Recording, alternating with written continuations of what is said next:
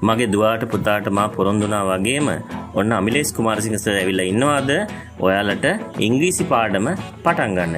එහෙනම් මගේ දුවේ පුතේ ඔන්න මම පාඩමේ පළවෙනිම අධීර හැටියට ඔයාලට කියලා දෙනවා ඉංග්‍රීසි භාෂාව ඉගෙන ගන්නකොටම ඔයාලා දැනගන්නම ඕන දෙයක්. ඒ මොකද්ද පුතේ ඉංග්‍රීසි භාෂාව ඉගෙන ගන්නකොටම දැනගන්න ඕන දේ?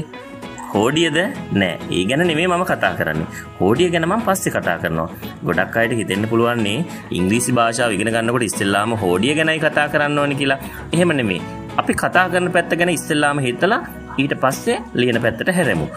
දුවේ පුතේ ඔයාලා දන්නව ඇති අපි කතා කරනකොට මම අපි ඔබ ඔබලා ඔහු ඇය ඌ ඒක උන් ඔවුන් ඒවා වගේ වචන පාවිච්චි කරනවා. ඉතින් පුතේ ඔන්න ඔය ටික අනිවාර්යෙන්ම අපි දැනගන්න ඕනේ ඉංග්‍රීසි භාෂාව කතා කරන්න නම්. ඔයා අහලා තියෙනවද සිංහල භාෂාවේ තියෙනවා උත්තම පුරුෂ මධ්‍යම පුරුෂ ප්‍රථම පුරුෂ කියලා ඒවා? අන්න ඒ වගේම ඉංග්‍රීසි භාෂාවෙත් first person second person and third person කියලා තියෙනවා. ෆස් පර්සන් කියලා කියන්නේ පුතේ උත්තම පුරුෂ. සෙකන් පර්සන් කියලා කියන්නේ පුතේ මධ්‍යම පුරුෂ. තර්ඩ් පර්සන් කියලා කියන්න පුතේ ප්‍රථම පුරුෂ එහෙනම් ඔයාට දැන් පැහැදිලි ඇති සිංහල භාෂාවේ වගේම ඉංග්‍රීසි භාෂාවෙත් උත්තම පුරුෂ මධ්‍යම පුරුෂ සහ ප්‍රථම පුරුෂ කියලා තුනක් තියෙනවා කියන එක. ඉතින් ඔන්න ඔයා බලන්න ඒක වචන බහුවචන වශයෙන් මේ උත්තම පුරුෂ සහ මධ්‍යම පුරුෂ කියන දෙකත් ඒ වගේම ප්‍රථම පුරුෂයත් බෙදෙනවා. අපි බලමු කොහොමද උත්තම පුරුෂ මධ්‍යම පුරුෂ සහ ප්‍රථම පුරුෂ වල ඒක වචන බහුවචන ભેදයක් ඇති වෙන්නේ කියලා. I කිව්වහම පුතේ ඒක ෆස්ට් පර්සන්. එහෙම නැත්නම් උත්තම පුරුෂ. එයා සිංගියුලර්. ඒ කියන්නේ එයා ඒක වචනයි. I කියන්නේ මොකද්ද පුතේ? මම එහෙම නැත්නම් මට කියන අදහස. I කියන්නේ මම එහෙම නැත්නම් මට කියන අදහස. ඒකේ කැපිටල් I අකුරකින් තමයි භාෂාවේ කොහේ භාවිතා කළත් අපි ලියන්නේ. ඒක මම කියන අර්ථයෙන් ලියනවා නම් කැපිටල් I අකුරකින් තමයි පුතේ හැමතිස්සෙම මේක භාවිතා වෙන්නේ. ඒකෙන් කියවෙන්නේ එහෙනම් මොකද්ද? මම සහ මට කියන තේරුම් දෙක. ඔන්න ඕකේ බහුවචනේ තමයි පුතේ V කියලා කියන්නේ.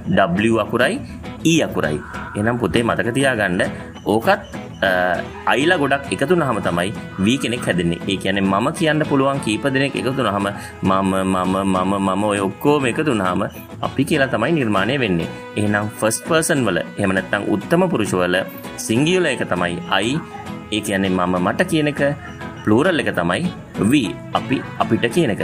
එහෙනම් පුතේ අපි ෆස්ට් පර්සන් ගැන සාකච්ඡා කරා. කළා. අපි දැන් වාක්‍ය ටිකක් ගැන හිතමු. උදාහරණයක් හැටියට මම කියනවා I am a teacher. මම ගුරුවරයෙක්.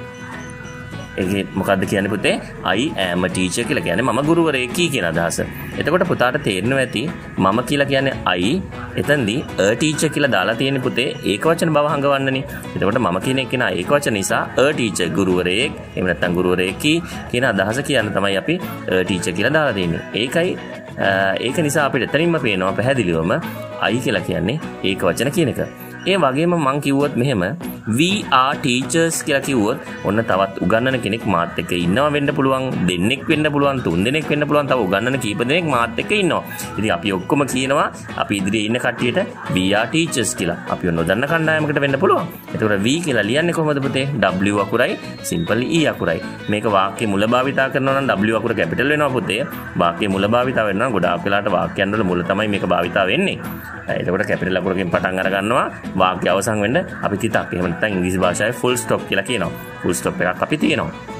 මගේ දුවා පුතා හොඳට මතක තියාගන්න ඕන දෙයක් තමයි මේ කතරුන් ටික එහෙම නැත්නම් මේ පර්සනල් ප්‍රෝනවුන්ස් ටික අපි කියනවා පුද්ගල සරනාම ටික අනිවාර්යයෙන්ම දැනගන්න ඕනේ මයි පුතේ දුවේ ඉංග්‍රීසි භාෂාව ඉගෙන ගන්න. මතක තියාගන්න අයි මම මට කියන අදහස අයි අයි හැටියටමයි භාෂාවේ කොහෙත් භාවිතා වෙන්නේ. ඒ වගේම තමයි WEV කියන එකත් අපි අපිට කියන අදහස වාක්‍යයේ කොහෙ ලිව්වත් ඒ කියන්නේ මොන තැනක ලිව්වත් ඉංග්‍රීසි භාෂාවේ ඒක ලියවෙන්නේ V හැටියටමයි ඒක වෙනස් වෙන්නේ නැහැ. ඒ නිසා ඔයා එහෙනම් ෆස්ට් පර්සන් වල දෙක ඉගෙන ගන්න ඇති දැන් අපි සෙකන්ඩ් පර්සන් වල දෙක ඊළඟ එපිසෝඩ් එකකින් ඉගෙන ගමු. තවත් උදාහරණ කීපයක් එක්ක මම මේ කොටස අවසන් කරන්නම් මගේ දුවේ පුතේ. I like English. මම ඉංග්‍රීසි වලට කැමතියි. We like English. අපි ඉංග්‍රීසි වලට කැමතියි. I want to learn English. මට ඉංග්‍රීසි ඉගෙන ගන්න ඕනේ. We want to learn English. අපිට ඉංග්‍රීසි ඉගෙන ගන්න ඕනේ. I can run fast. මට වේගයෙන් දුවන්න පුළුවන්. We can run fast. අපිට වේගයෙන් දුවන්න පුළුවන්. I love flowers.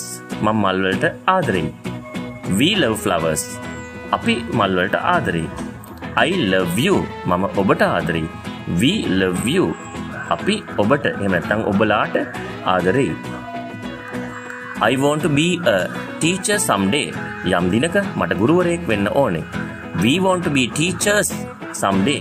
අපිට යම් දිනක ගුරුවරු වෙන්න ඕනේ. ඔන්න ඔය විදිහට I සහ V වලින් පුළුවන් තරම් වාක්‍ය හදලා ඔයාලා මට කමෙන්ට් කරන්න.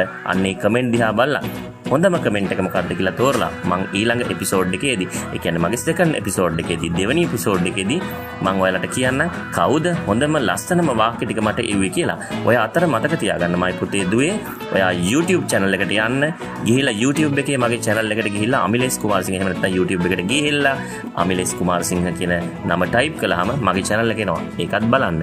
එනම් බුදු සරණයි දෙවි පිටයි මයි දුවට පුතාට අපි නැවත හම්බෙමු එපිසෝඩ් 2 වලින්.